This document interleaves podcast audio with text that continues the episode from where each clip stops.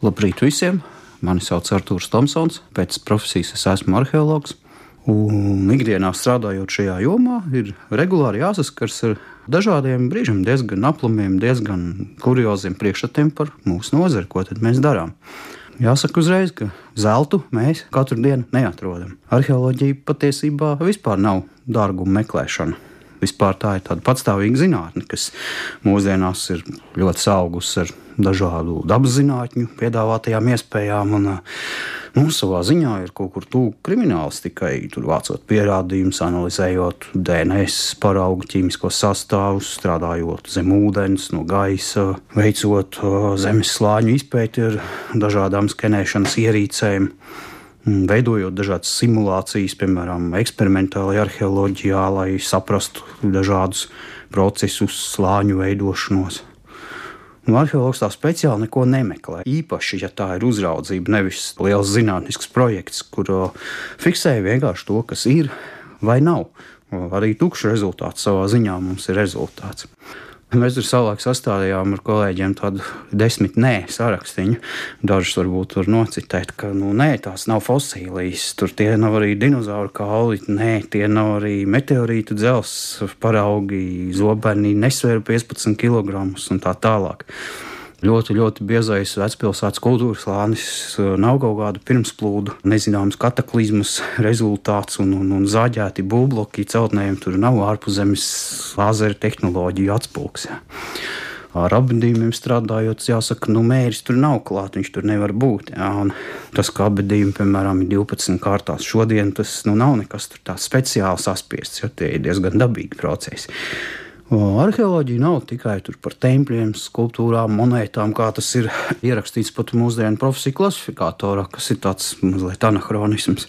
Šodien varētu parunāt par vienu no šiem mītiem, ka mēs it kā nemitīgi atrodam pazemes ejas. Tautas pasakās, teikās, dažādās leģendās un nostāstos šāds motīvs ir regulāri sastopams. Lielākā daļa par to, ka šāda slepenā pazemes eja ejot tieši zem Daugavas. Un es biju ļoti pārsteigts, kad arī veicot šīs dažādas uzraudzības pa visu valsti.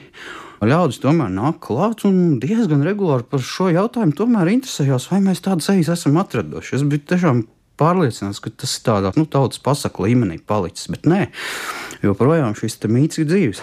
Nu, man pašam, teiksim, jau ļoti agrā vecumā par to bija zināms skepse, nu, kā tehniski kaut kas tāds toreiz būtu bijis iespējams. Bet nē, cilvēki tam tic. Nu, tad ir šis jautājums, ja? nu, kas tam ir pamatā. Atbildi varētu meklēt uh, cilvēku atmiņā, kā viņi ir uzbūvēti.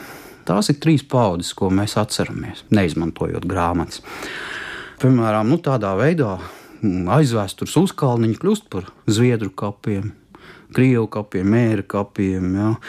Kaut gan patiesībā tie ir vairākus gadu tūkstoši seni. Tas pats ir ar laiku, kas ir šodienas tā galvenā tēma, kad pēc viduslaika beigām mainās militārā joma. Kad aizsardzības jomā sāka dominēt lielie cietokšņi ar bastioniem. To ziedu laiki ir 17. un 18. gadsimts, un tā visa pamatā ir vēl no renesanses nākusi ideja par ideālo pilsētu ar perfekto geometrisko plānojumu. Tas pats attiecās arī uz šiem no ideāla zvaigžņu veida formā projektētajiem cietokšņiem ar starveidu bastioniem, ravelīniem un citām konstrukcijām. Latvijas teritorijā to būvi sākās izteikti Zviedrijas valdīšanas laikā, 17. gadsimtā. Nu, zināmākie Rīgas pilsētas bastioni, Rīgas citadele, Kobronskans, Daugavpils ieroksnis, Daugavgrīvas ciedonis, koknes. Pilsētu mūrus varēja viegli sagraut ar artilēriju, bet vaļņus netika ātri. Nu, kā tad ar šādiem ciedokšņiem cīnīties? viens variants, kad aplencēji ilgstoši rokas zigzag veidā virzemes tranšeju lēnām tuvojoties šim cietoksnim.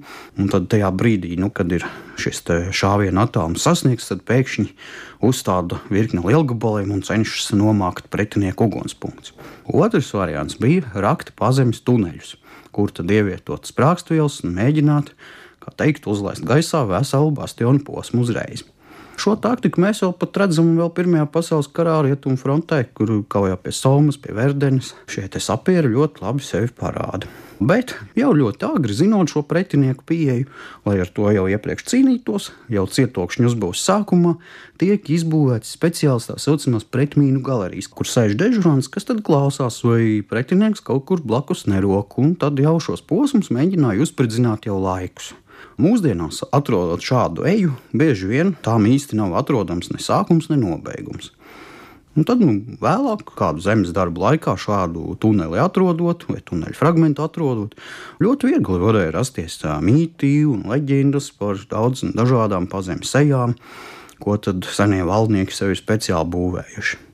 Jautāsiet, nu, vai es pats kaut ko tādu esmu atradzis? Nu, jāsaka, jā, sākumā es, protams, tur mazliet smaidīju par to, bet tas lieku reizi apstiprina šo eju diezgan vēlo izcelsmi. Piemēram, Krustpils pilsmužā zem grīdas es atradu savas uzraudzības laikā divas pazemes ceļus, kas ir saistīts ar ūdens novadīšanu no pamatiem. Bet varbūt atrodot šādu fragment, rastos iespējas, ka nu, tas ir kaut kas vairāk. Katrā ziņā nu, rūpēsimies par mūsu vēsturi. Tā ir ļoti interesanti un daudzām lietām visi šodienas uzdotie jautājumi pilnībā atbildes vēl nesniedz.